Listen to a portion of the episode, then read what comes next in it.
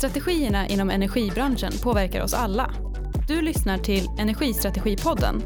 En podd där vi försöker förstå de utmaningar energibolagsledarna står inför och hur de hanterar dem.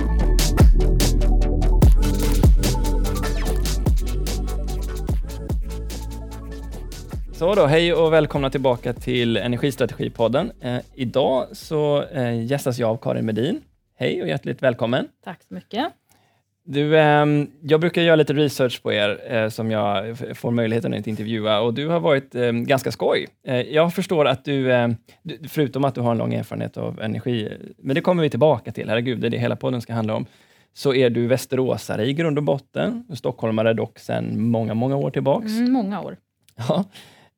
Du har den här eh, pikanta detaljen att du har varit väldigt snabb. Jag förstår att du fortfarande är snabb, men då var du otroligt snabb. Du vann SM och din, ditt personliga rekord på 1500 meter är 4 minuter 9 sekunder och 51 hundradelar som du satte i Karlskrona 91. Den, den är lite otippad. Ja, men det var härliga tider. Ja, hur, hur lever man med en sån självbild? Är du fortfarande snabb? Det får jag lov att säga att jag är betydligt långsammare. Du är det? Okej. Okay. Ja, alltså, annars hade det verkligen varit imponerande, men det är, det är en fantastisk bedrift, måste jag säga. Ja, ibland så tror hjärnan att jag fortfarande är snabb, men jag får snabbt bevis i löpspåret att kroppen inte uppfattar det hela så. Du tar fortfarande trapporna på jobbet i alla fall? Det gör jag. Ja. Du eh, är en friluftsmänniska annars. Eh, du har både skidor och dykning på agendan. Du är med i någonting så fantastiskt som, nu ska jag uttala det här rätt, Marinarkeologiska sällskapet. Ja, gillar gamla vrak. Ja, så, så där. Mm. Eh, du har annars en karriär som tog sin, tog sin start, i alla fall energisidan, på Stockholm Energi, som en kort stund var Birka och sen blev Fortum, där du var chef för ett, ett flertal områden. Då. Jag räknar bara upp energioptimering, bränslehantering och finansiell riskhantering. Så du, har, liksom, du står med två stadiga ben in i själva produktionsapparaten eh, utifrån ett beräkningsperspektiv. Du hade några månader på Grontmi. Ja, några, några jättefina månader. Ja. Och, sen, och sen blev du rekryterad då till Södra Energi i januari 2011. Det betyder att du har varit här i nio år. Ja, det stämmer. Det, det är också Tiden flyger. Ja, det gör den verkligen. Ja. Ni har eh, bland annat på er hemsida mottot Vi är bättre än naturen på att ta hand om ert avfall. Ni säljer ungefär 2500 gigawattimmar värme till invånarna i Stockholmsregionen och har ungefär eh, 550 GWh el. Ni omsätter ungefär 1,2 miljarder kronor och du har någonstans mellan 140 och 150 anställda i bolaget. Ja, det stämmer helt rätt. Hur är det att vakna upp som som ledare och chef för en sån verksamhet? Alltså jag är så fruktansvärt stolt över att få leda den här verksamheten. Det är tre ägarkommuner, Huddinge, Södertälje, Botkyrka, eh, som alla jobbar hårt med hållbarhet eh, och skapar ett bra samhälle för sina invånare. Och jag tycker det är fantastiskt att få tjäna dem. Mm. Ja, för det är någonting som vi har nämnt lite grann, och det har vi kommit in på i tidigare intervjuer också, det här med, du är nu en, en van företrädare för en politisk organisation och som därtill här är lite komplex i sitt ägande. Vad, är, vad har varit din, liksom, vad behöver man tänka på för att kunna frodas och agera i en, i en sån värld? Vad, vad ska man tänka på? Jag tror att det eh, i och för sig är någonting som gäller för alla företagsledare, att, eh, ha en, att arbeta för en verksamhet som för mig är det viktigt att skapa nytta för samhälle, människor och miljö. Och det är ju precis det som mina ägarkommuner och politikerna som finns eh, hos mina ägare också vill. Mm. Eh, och eh, Det gör att jag känner att varenda dag jag går till jobbet så bidrar jag till någonting väldigt positivt. Vad är det som är speciellt med att vara politiskt ägd då? Vi hörde ju Anders i en tidigare intervju som nämnde att hur det är att vara kommersiellt ägd. Vad är det man bör, är det något speciellt? Är det bara att skopet blir bredare? Eller jag, jag, tror i grunden att det inte är, är någon skillnad. För jag har ju ägare som också vill skapa en bra verksamhet eh, och, och ett bra resultat för, för invånarna i deras kommuner. Och Det gäller ju att vara ett hållbart företag ur många perspektiv. Ur alla perspektiv. Miljömässigt, för samhället och även ekonomiskt. Så jag tycker det går hand i hand. Mm. Absolut. Och lyhördhet naturligtvis och en förståelse för, för, för polit, politikens gärning, så att säga. Det är ju viktigt att ha. Mm. Jag, jag, tänker den diskussionen skulle också kunna vara lång i hur man förstår den. Men vi, vi får vara nöjda med det svaret, därför vi har vi har så mycket att prata om och det är så kort tid att prata om det på. När vi går igenom i den här podden och vi tar ansatsen strategi så finns det ju flera sidor av att prata om strategi. Det ena är ju då naturligtvis eh, liksom, den övergripande strategin och hur man ser på, på marknadsutblick och vilka, eh, vilka liksom, eh, trender som finns där och hur man väljer att hantera dem. Och å andra sidan då så är det en otroligt tillgångstung verksamhet med flera miljarder i balansräkningen som innebär att hanteringen av de tillgångarna blir otroligt viktig Ehm, för att eh, liksom långsiktigt navigera eh, rätt. Men det blir ju nästan omöjligt att höra den här intervjun utan att också komma in på avfall.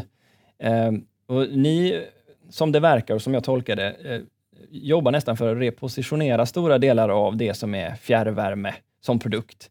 Ni gick ut nu i mars med det officiella samarbetet runt Tumendix, som är en produkt skapad för att uppmärksamma problem, men också lösningarna kring avfallsförbränning eller energiåtervinning.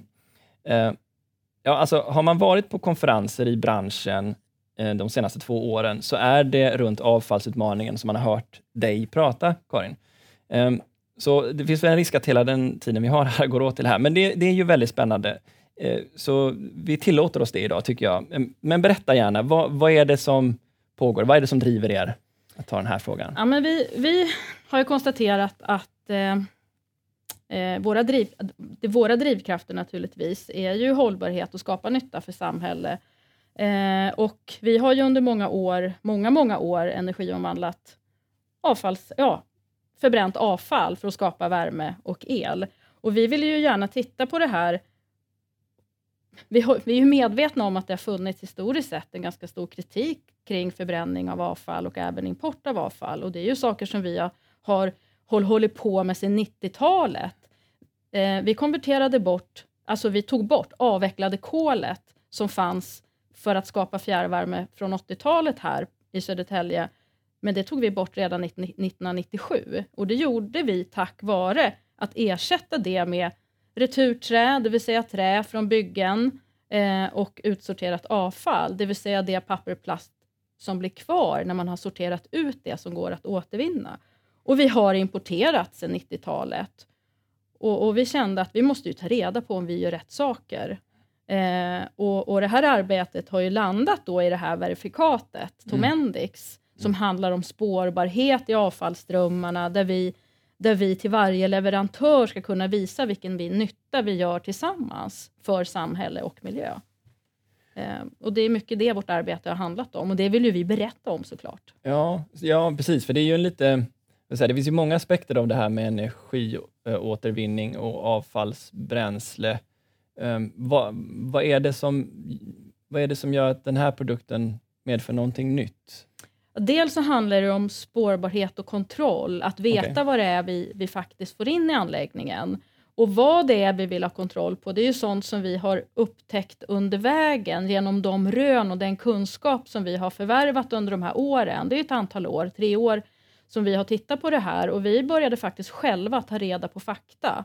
Och en liten anekdot i det här läget, det är ingen anekdot, det är egentligen en väldigt sorglig historia, att nu när vi i dagarna lever med, i den här tiden med corona och det här viruset som är väldigt, väldigt, väldigt läskigt, så ser ju vi hur avfallsströmmarna minskar, inte minst från, från andra länder.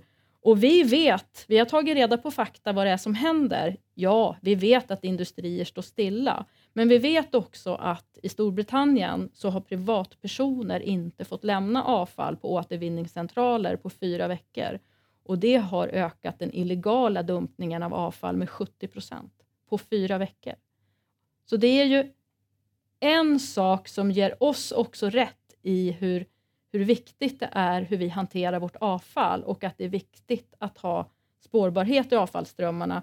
Och vi vill ju att fjärrvärmen den nytta som vi kan göra eh, med att förbränna restavfall, det som blir kvar, det vill att vi ska vara känt och få cred. Vi vill faktiskt få den positiva uppmärksamhet som jag tycker att vi förtjänar. Ni har kallat det här för ett självtaget producentansvar. Vad, vad, vad, vad, betyder det? Då? Betyder det då, om jag förstår det rätt, att, att, att ni hittar som fel saker i avfallet och kan ta hand om det? Är det det vi pratar om då? Ja, det är det ju. Det är det ju. Vi hittar saker i avfallet Och det är ju ett avfall som kommer från samhället. Det är ju återvinningsbolag som, som levererar avfallet till oss. Vi tar hand om det åt dem och det är sånt avfall som man inte kan göra någon annan nytta med. Men inte nödvändigtvis från Sverige va? Inte nödvändigtvis från Sverige. Vi, vi, det är många länder i Europa som, som exporterar sitt avfall till oss eh, för att vi ska ta hand om det åt dem och då skapa faktisk nytta på global nivå. Eh, så vi hittar ju saker i avfallet som absolut inte ska vara där. Men det är ju lite intressant att backa upp när du nämner då att vi, att vi importerar avfall handlar ju om att klimatet och jorden känner ju inga gränser. Nej, precis. Jag tänkte just säga det, för jag menar, tar vi inte på oss ett, ett europeiskt problem genom att ta in avfallet och förbränna och få farliga restprodukter här? Men det här är ju jätteintressant att se. Eh, vi, vi är ju i Sverige, eh, vi är ett stort exportland eh, och vår huvudanläggning, Igelstaverket, finns ju i Södertälje och här har vi två stycken stora internationellt framgångsrika företag. Eh, jag tror de flesta känner till både, både, både AstraZeneca och Scania. Det är ju mycket stora företag. Och då är det ju jättesvårt att tänka lokalt när vi har globala företag, varor och produkter flödar över gränserna och det här är ju någonting som vi måste förhålla oss till. Och Sverige är ett stort exportland. Eh, en liten parentes är ju att till exempel Storbritannien eh, är importör av sågade trävaror. Från vilket land då? Jo, från Sverige. Mm. Vi importerar ganska mycket returträ från England, men man kan ju gissa vad ursprunget av det här träet är. Mm. Så jag tycker att det är viktigt att ha ett större perspektiv. Och om vi kan visa att vi skapar en total miljönytta med det här, eh, att importera avfall och energiomvandla, vi har ju ett kallt klimat till exempel, som gör att det är alldeles utmärkt att göra fjärrvärme mm. på, på, på det här returträet som annars inte skulle kunna skapa någon nytta, utan faktiskt eh, så är det så att ute i Europa så ligger det väldigt mycket avfall på deponi. Brännbart avfall på deponi. Och vad betyder det då? Är det en hög i en grop eller? Det är faktiskt till del precis vad det är. I Sverige så minns vi kanske, vi som var unga på 70 och 80-talet, att, man kunde, att det fanns soptippar. Det finns det faktiskt inte i Sverige längre, men det finns det i Europa. Det finns länder som lägger 100% av sitt avfall bara på hög. Mm. Eh, och Det kan faktiskt vara så att Sverige har exporterat saker till de här länderna också, avfall. Eh, så, så det finns ett stort problem med avfall. Och Det verkar som att du diskvalificerar nationsgränsen som en avgränsning för här, de här flödena. Då. Ja, det gör jag definitivt. Eh, och Jag tycker att, att det vi kan se eh, är att, att de länder, det finns statistik på det här, det görs undersökningar, att de länder i Europa som är bäst på att återvinna avfall och återanvända det som kan återanvändas, har också mest utbyggd eh, avfallsförbränningskapacitet. Mm. Eh, och det är ju många som inte vet. man brukar väl tro det motsatta? Man brukar att, tro att det är det motsatta. Att avfallsförbränning eller energiåtervinning puttar undan materialåtervinning. Men det hävdar du att det så är? Jag hävdar att det är faktiskt inte så, utan tvärtom. Jag tycker att man gynnar varandra. Eh, självklart så ska vi se till att återvinna och återanvända allt som går. Det, ligger ju, det tycker jag är jätteviktigt. Resurssnålhet är ju jätteviktigt. Särskilt i tider eh, när vi har samlat fakta på hur avfallsmängderna förutspås att växa med 70 procent till 2050. Eh, och, och, då känner jag mig jättedriven av att ja, men det, som inte behö det som inte kan återanvändas och återvinnas, det kan ju vi göra nytta av.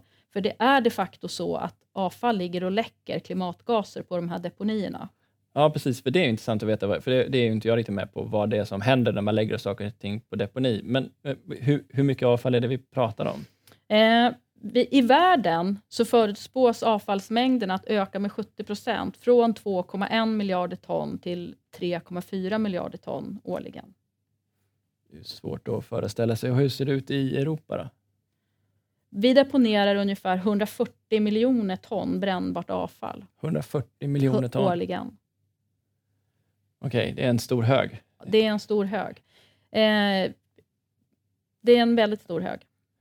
Um, Men för, för då, jag fick också den här tanken, för IVA kom med en rapport om hur Sverige ska bli världsledande på cirkulära flöden och resurseffektivitet. Och ett av deras förslag var ju mycket riktigt liksom, agenter för ökad materialåtervinning.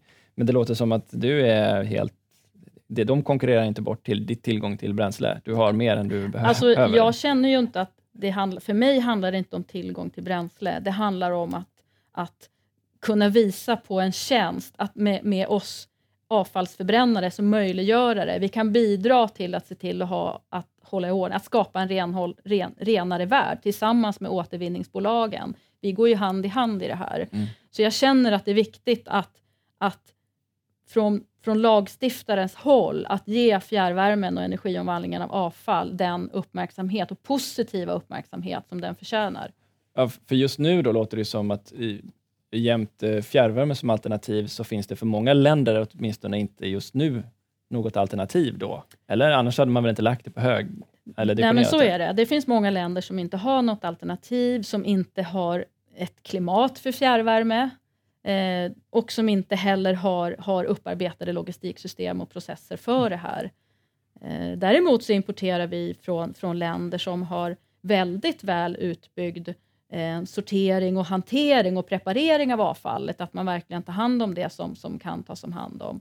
Men totalt sett i världen eh, så vet vi till exempel att 2017 så förbrukades drygt 100 miljarder ton material i hela världen och endast 8,65 miljarder ton återvanns. Det finns Oj. ju ett enormt gap. Eh, så den dagen avfallet är slut och vi återanvänder allt och det inte finns något avfall, ingen är gladare än jag. Men jag tror dessvärre att det dröjer och att vi kan bidra med att skapa rätt mycket nytta fram till dess. Man får ju såna här bilder på näthinnan av eh, hur det ser ut i Kambodja och i floddeltan där, där det bara flyter plast och man har hört talas om de här enorma plastkontinenterna som flyter runt i Stilla havet bland annat. Det är, det är de siffrorna du pekar på. Någonstans hamnar det här.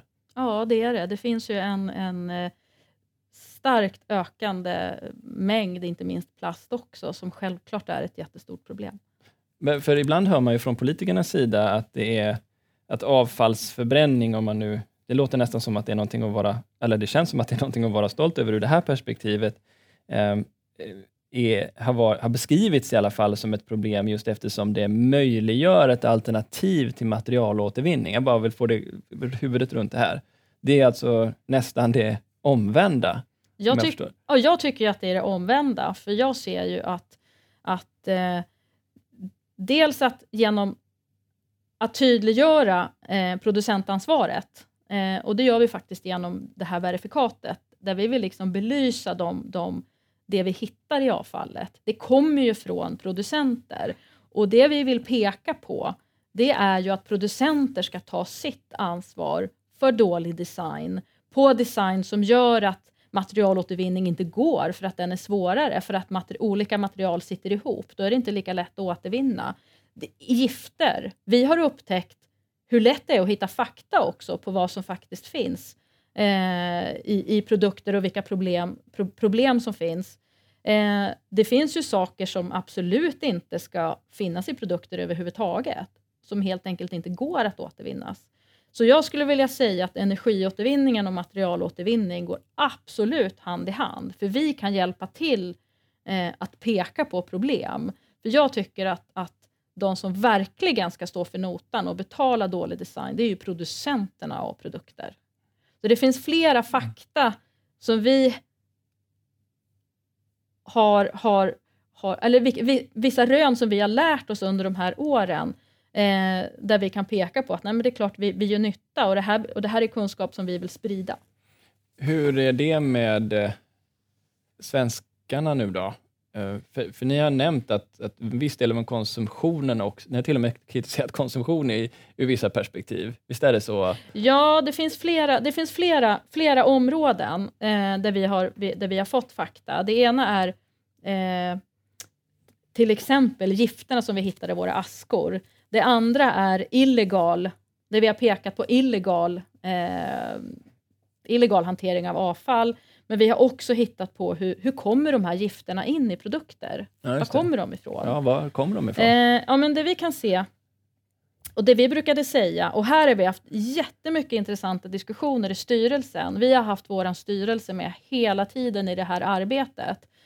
Apropå det här positiva med att ha en, en, eh, en, en, en ett bolag som faktiskt ägt av samhället, det vill säga de som är demokratiskt valda, så finns ju ett engagemang kring de här frågorna och ett väldigt stort ansvarstagande och ett stor vilja att vilja diskutera. Så vi brukade tillsammans säga att ja, men askorna är ju ett jätteproblem. Mm. De innehåller ju till exempel tungmetaller.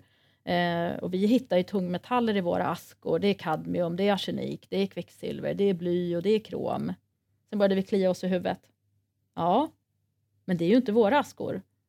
Det är ju trots allt det kommer ju från avfallet som kommer från samhällets produkter som någon har producerat. Eh, så vi ville ta reda på, ja men okej, okay. är det bra att avskilja de här metallerna från samhället, från de produkter? Är det bra att ta bort det här ur samhällets kretslopp? Men Precis, någonstans på premissen att vi accepterar att de finns där nu. Liksom. Det, ni hittar bly och Vi kvicksilver. hittar bly och kvicksilver och våran förbränningsanläggning är ju så rigoröst designad att vi tar ju hand om nära 100 procent. Det är ju 99,97 procent som hamnar i våra askor. Så vi kan ju säga att nej, men nu har vi, tagit, vi har koncentrerat de här askorna. Vi vet exakt var de här tungmetallerna finns. Mm. Eh, och de tas ju sen om hand av duktiga återvinningsföretag som har det, det här som sin specialitet att ta hand om de här tungmetallerna. Kanske kan man återvinna sådana här tungmetaller men, men, men, men de kan ta hand om det här. Det är bättre än att det ligger ute vind för våg och Mm. finns i produkter. Eh, men vi lät göra en, en samhällsekonomisk analys. Är det bra att ta bort det här? Och vad skulle hända om... Vad, vad, vad innebär de här tung, tungmetallerna? Och då kom vi fram till vi har 100 ton tungmetaller årligen som vi samlar upp i våra askor. Och vi vet idag via den här analysen att det här blir, leder ju till fruktansvärda skador på oss människor. Eh, och, och Det vi känner till, de allra flesta av oss, är ju att kadmium orsakar benskörhet. Eh, det kostar jättemånga miljarder per år. Vi vet också att bly förstör våra hjärnor. Inte bra att hitta bly i leksaker.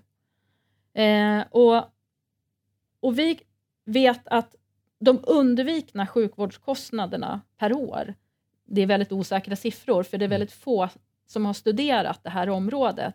Men det är mellan 150 miljoner och en och en halv miljard eh, årligen i undvikna hälsokostnader tack vare att de här 100 ton tungmetallerna har försvunnit ur samhället. Det ju... eh, Ja, det finns ju någon form av, av intuitiv förståelse kring det här också. Jag vill ju inte då ha bly i för stor närhet Nej. av mina barn. Så vi började ju känna här att vi är något på spåren och Ja. vi fick faktiskt en debattartikel publicerad i Svenska Dagbladet i januari 2018. Och då kände vi att nu har vi blodat hand, det här ska vi inte släppa. Eh, så vi började höra oss för lite mer och tog kontakt med Kemikalieinspektionen och de bekräftade det här. Så Okej. det finns alltså produkter som importeras via oss, privatpersoner. Eh, vi klickar hem det, från, eh, ofta från Kina. Eh, köper vi saker i Europa, vi har jättefin kemikalielagstiftning som heter REACH, där vi vet att produkter med rätt stämplar och kontrollerade i Europa, de är helt okej. Men det kommer in massor med produkter som vi kallar internetavfall faktiskt, eh, för att de är hemklickade. Och det är ju faktiskt inte ens lagligt av oss privat, för att, att vi som privatpersoner eh, import, direkt importerar produkter som inte är kontrollerade. Nej. Så när jag köper en, en, en liten eh, såpbubbleblåsare från någon av de här sidorna som jag kan direkt importera, vem är det som är ansvarig för? Det är Om- du. Är, är det jag? Mm. Men eh, hur skulle jag kunna kontrollera det? Exakt. Det här, vi har ju, de flesta av oss har ju ingen aning. Så vi har sett det lite som en mission för oss att upplysa om det här. Jag har, jag har barn hemma som, som, herregud, jag vill, ju inte, jag vill ju att barnen ska kunna gå en, en giftfri framtid till mötes. Eh, så här är ett jätteviktigt ansvar att upplysa. Ja. Så det har vi känt som en, en, eh, en viktig uppgift för oss nu när vi har lärt oss det här. Ja, det var otroliga mängder där också. Det blir som fantasisiffror nästan Mm. hela tiden. Mm. Ehm, ja, Okej. Ehm, b- så bara, bara för min förståelses skull, liksom när, när ni upptäcker och, alla de här tungmetallerna, hur, hur tas det om hand om i Sverige? Vad, vad, vad händer med det Ja, men då? det vi har i Sverige är, är Dels är det naturligtvis en otroligt hård lagstiftning och det här är ju ett farligt avfall som tas om hand och farligt avfall måste man lägga på en särskilt kontrollerad deponi.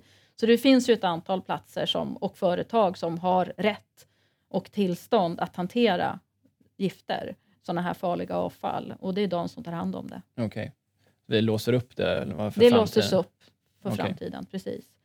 Eh, och, och, det, och det är så det fungerar. Ett, och, och det tycker jag känns väldigt tryggt att det inte cirkulerar i produkter i samhället. Mm.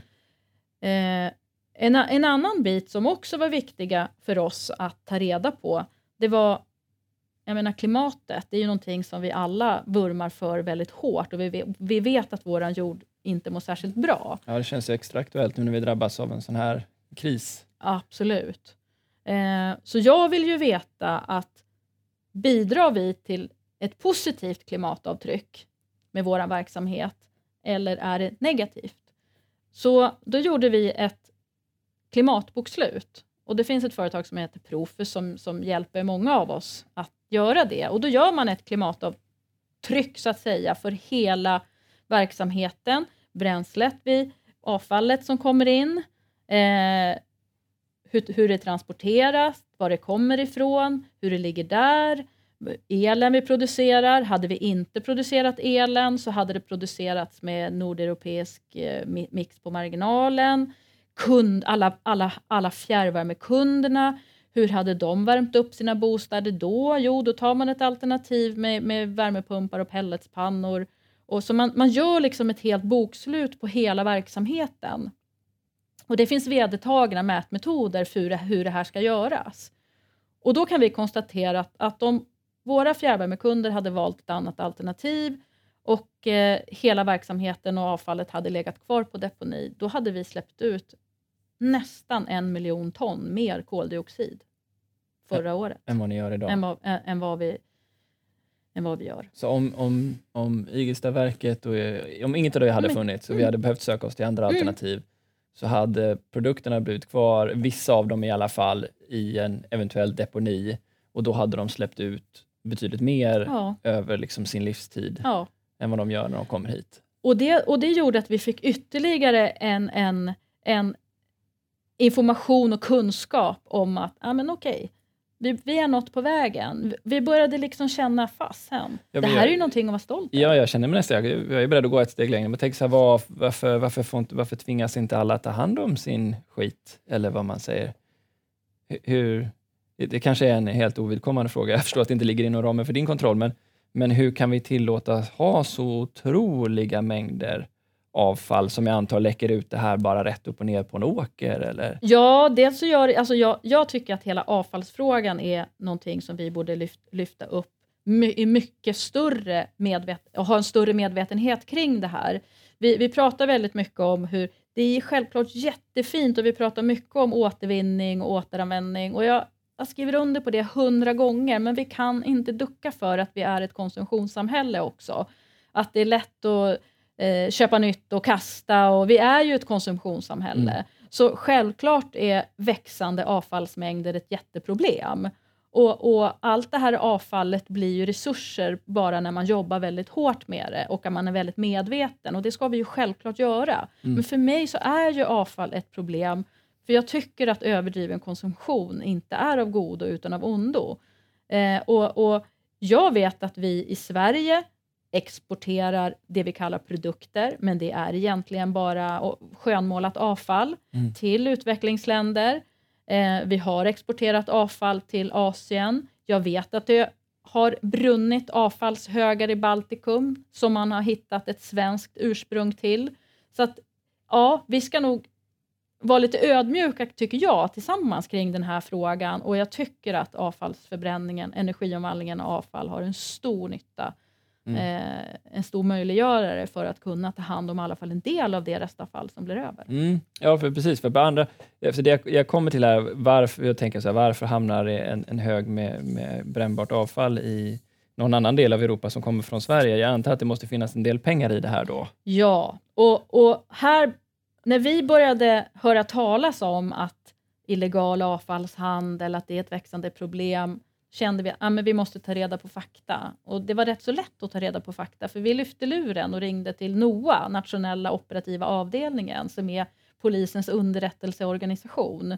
Och Då fick vi bekräftat, vi träffade dem och de berättade att nej, men illegal, eller eh, diffust illegal hantering av avfall finns i Sverige och internationellt så är det ett växande problem som närmar sig droghandeln i omsättning. Det är betydande hundratals miljoner, alltså det är jättemycket pengar som omsätts. Det är lukrativt och det är låga straff.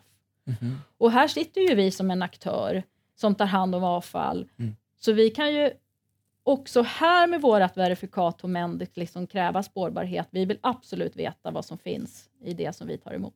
Och då tror du att svenska energiföretag har, har um, i alla fall omedvetet får man hoppas, tagit emot illegalt avfall? Nej, men det går ju inte att uteslutas. Vi jobbar med, ofta med väldigt långa relationer och, och, har väldigt noga kontroll, men ingenting kan ju uteslutas. Nej. Så det här är någonting som vi alla måste vara uppmärksamma på och, tycker jag, kräva spårbarhet. Ja, det, det, kan ju inte vara lätt att se skillnaden på de två högarna, så att säga. en med legal och en med illegal.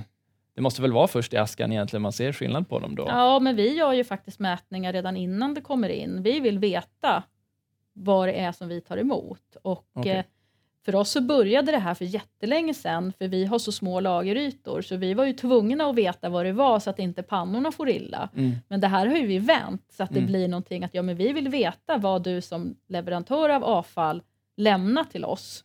För innehåller det farliga saker så vill vi veta det. Mm. Då vill vi veta var det kommer ifrån. Mm. Och då, via det här verifikatet så innehåller det de mm. parametrarna att mm. ja, men vi ska veta vad som, vad som tas emot. Mm. Ja, en diskussion, en stickfråga som jag får. Jag, jag själv sorterar ju mina plastpåsar och annat plastavfall. För övrigt kan man ju notera hur mycket plast det blir även när man försöker handla smart. Eh, det är det jag bär ut hela tiden tycker jag. Eh, och, så, och så skickar jag iväg det till återbruket och sådär. Eh, och, och för er del så har det varit en diskussion om skatt för att ni har plast i det här avfallet. Är det samma plast eller gör, gör, gör man någonting åt det jag sorterar? Eller? Ja, men det gör man ju. Det finns ju, för, det finns ju ett producentansvar som är på väg att utvecklas så smått kan man säga. Men de här processerna är ju än, ännu i sin linda och, och man behöver ju kunna särskilja olika plastfraktioner och man jobbar ju ganska intensivt med det, men det är ändå förvånansvärt lite som ännu, man ändå kan åter, återanvända och återvinna. Men där, där hoppas jag att utvecklingen går framåt och det hänger ju faktiskt på att det sorteras mm. och att vi gör det jobbet. Men det är eh. även så om jag sorterar så kommer förr eller senare en del i alla fall av ja. det tillbaka till dig på något sätt. Ja, det, det, ja, men det kan du ju göra. Det som inte kan, återanvinna, å, det som inte kan återvinnas, ja, det. det. hamnar ju i en restfraktion. Och den kan absolut ham, hamna hos, hos oss. Ja. Det som inte går att göra någonting med. Ja, för det går ändå inte att göra någonting annat Nej, det, med för det. Går inte, för det är just därför, för det går inte att göra någonting med det. Eh, men ju mer som kan återanvändas, ju bättre är ju det. För vi vet ju att det finns mycket avfall där ute i världen som behöver tas om hand. Ja, så jag tycker att det är mycket, mycket mer som behöver återvinnas och återanvändas generellt. Och då måste jag ju fråga dig om skatten. Mm. För ni har ju blivit pålagda en avfallsskatt. Ja. Som delvis har att göra med den, alltså att det finns de här fossila delarna i... Ja, man, tror ju, man tror ju att avfall, eh, det är ju en avfallsförbränningsskatt och man tror ju att, att det eh, att man ska återvinna och återanvända mer genom att belägga oss ganska långt ner då i den här avfallstrappan. Men det har ju ingen effekt, tror varken utredare eller alla remissinstanser, utan det vart ju ett, ett beslut som fattades i förhandlingen då av, eh, i januariavtalet. Okay. Eh, och eh, vi har ju tillsammans med andra och branschen och även utredaren själv då varit emot den här skatten, men eh, det är som det är, utan vi får ju fortsätta verka för att för det här arbetet och inte minst en sån här podd, ett, att komma ut att vi gör en väldigt stor nytta för samhälle och miljön. Mm. Eh. För du sa ni har, liksom, då tänker jag så här, ni har, ni har liksom forskat eller tittat på den här frågan och läst på i ett par år.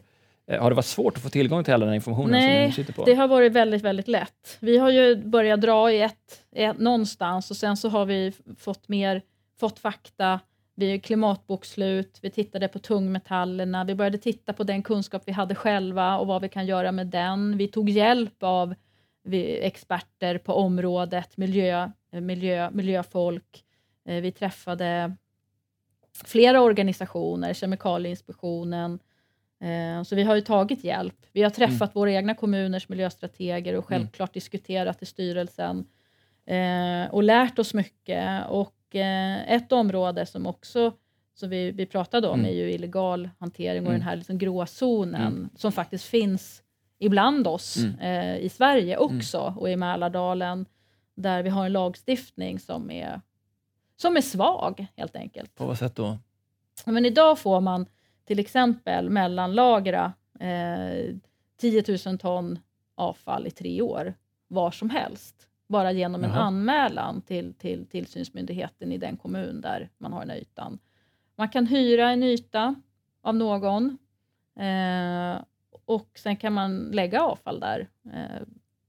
Ja, just det. Jag som är från Västerås, det har ju varit mm. en hel del artiklar om ett sånt upplägg i, i, i trakterna mellan Haraker och Skultuna, mm. som har skapat mycket rabalder och arga De insändare. kända orterna, Haraker. Ja, ja precis. Nej, men där, och där, bilderna man ser därifrån är ju just en invallad yta med eh, ja, mycket balar av avfall. Hur rimmar det med allt det du berättar för mig nu? Ja, men för oss blir det här, vi, vi har ju hört talas om att, att det mellanlagras så här och vi, vi blir ju lite lätt förvånade för att för vi, vi, vi har ju jättestrikta tillstånd för miljö och det är otroligt kontrollerat om vi riskerar att släppa ut någonting till, till vatten och mark. Och här kan man då ha helt öppna ytor. Vi har ingen aning om vad som finns i de här balarna och det här avfallet som ligger där och vad är det som läcker ut och riskerar att läcka ut till grundvattnet. Det kan ligga i tre år. Jag blir jätteorolig. Eh, eh, och, och dessutom så, så har vi aldrig fått eh, frågan om att ta emot ett sånt här avfall av en sån här aktör. Eh, så vi, eh, vi är jättebekymrade. Mm. För, för, menar, jag för antar, miljön. Regelverket på er. Du sa att det var rigoröst och tufft. Förklara för mig igen då, hur, hur, hur, hur kan inte också Måste man inte ha koll på vad, vad som lakas ur de här högarna i tre år? För, jag, jag, tycker att det här är en jättebra fråga för, för våra lagstiftare hur, och, och tillsynsmyndigheterna. Hur, hur, hur kan det förekomma och vad kan man göra åt det? Vet jag själv om, om mitt avfall från min egen renovering hamnar på sådana ställen eller inte? Eller? Det tycker jag är en väldigt relevant fråga. Det är viktigt, tycker jag, att fråga den som du handlar upp för att renovera vad det är du ska renovera. Vad tar det här avfallet vägen? Jag tycker de kommunala återvinningscentralerna är jättebra. Den frågan har jag nog eh, aldrig ställt när jag har renoverat. Nej, jag tror att det är väldigt få som gör det. Eh, och här hade vi en jätteintressant diskussion med fastighetsbolag som också är fjärrvärmekunder när man tittar på hela cirkulära, vad vi tillsammans kan bidra med. Mm. Hur, hur, hur det gick upp liksom, aha, en aha-upplevelse för oss alla i rummet. Att ja men gud, jag köper ju fjärrvärmen och sen så har, renoverar jag och bygger fastigheter och jag måste ju ta reda på så att det här avfallet tas om hand på ett bra sätt. Och det är ju faktiskt så att avfall är ju ett problem, så det är klart det måste kosta pengar att ta hand om avfall. Mm. Det tycker jag är någonting som i vårt medvetande vi måste bli bättre på att förstå, att det är klart det ska kosta att ta hand om avfall. Mm.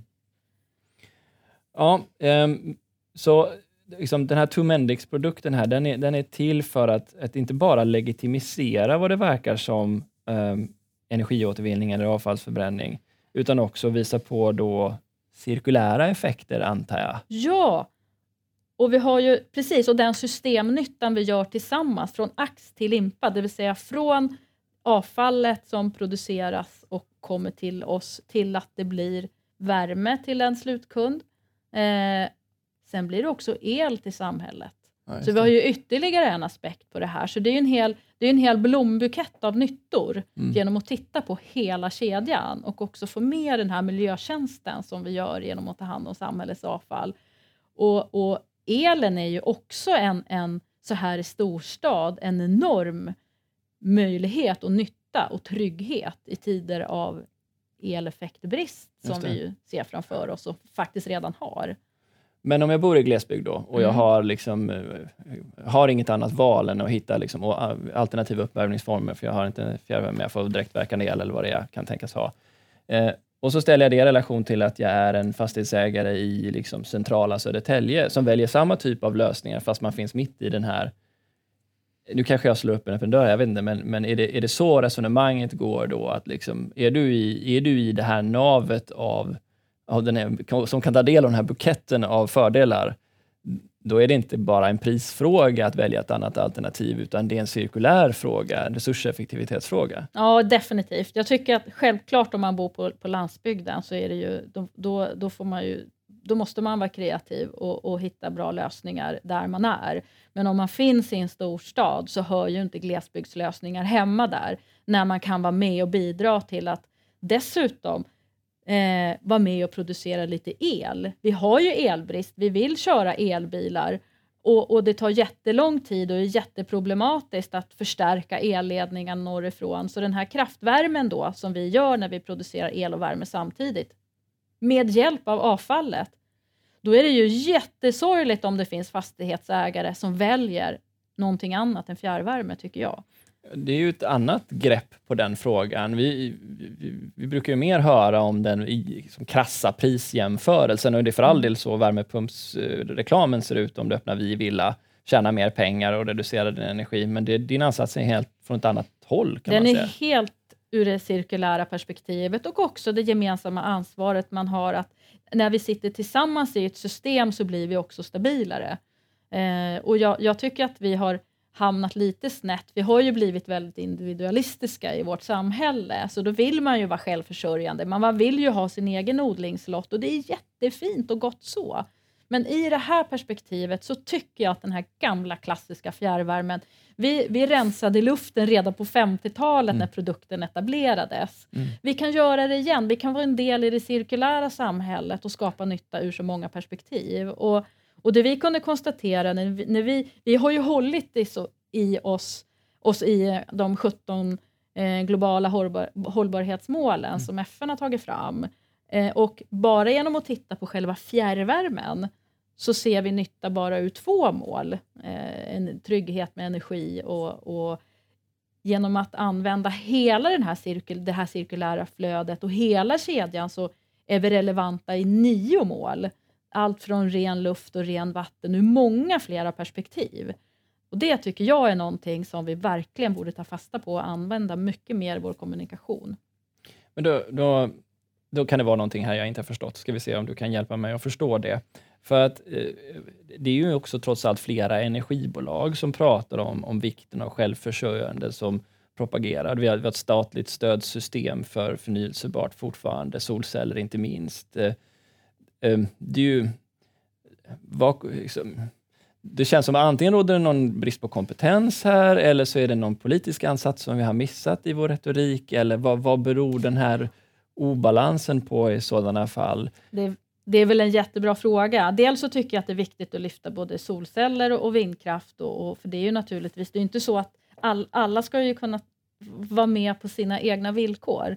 Men jag tycker att vi i fjärrvärmen och vi som energiomvandlar avfall, antingen har vi inte riktigt lyckats nå fram till, till lagstiftaren, att, att man har den här ambitionen att tro att det inte finns något avfall, men det gör ju. Mm. Och där finns ju vi som en jättestor nytta. Och jag tycker att eleffektproblematiken har kommit upp på senare år på, på den politiska agendan och medvetenheten finns. Så jag hoppas att det är en eftersläpning. Och vi har jättebra diskussion i våra ägarkommuner med de politiker som vi har hos oss och det finns en djup förståelse och kunskap hos dem över de utmaningar som finns och den nyttan som fjärrvärmen gör. Men det krävs ju också en, en, en förändring i regelverk, hur man ser på fjärrvärmen, hur den bedöms i miljömätningar och så jämfört med andra produkter. Så det krävs ju, det krävs ju en, en ordentlig vilje, viljeyttring att att se till att värna fjärrvärmen. Ja, det är ju en hel, det blir ju som en repositionering. Jag, jag som kanske nördat lite i det här och läst en, en par regioners klimat och energistrategier eh, kan ju notera att det inte nämns.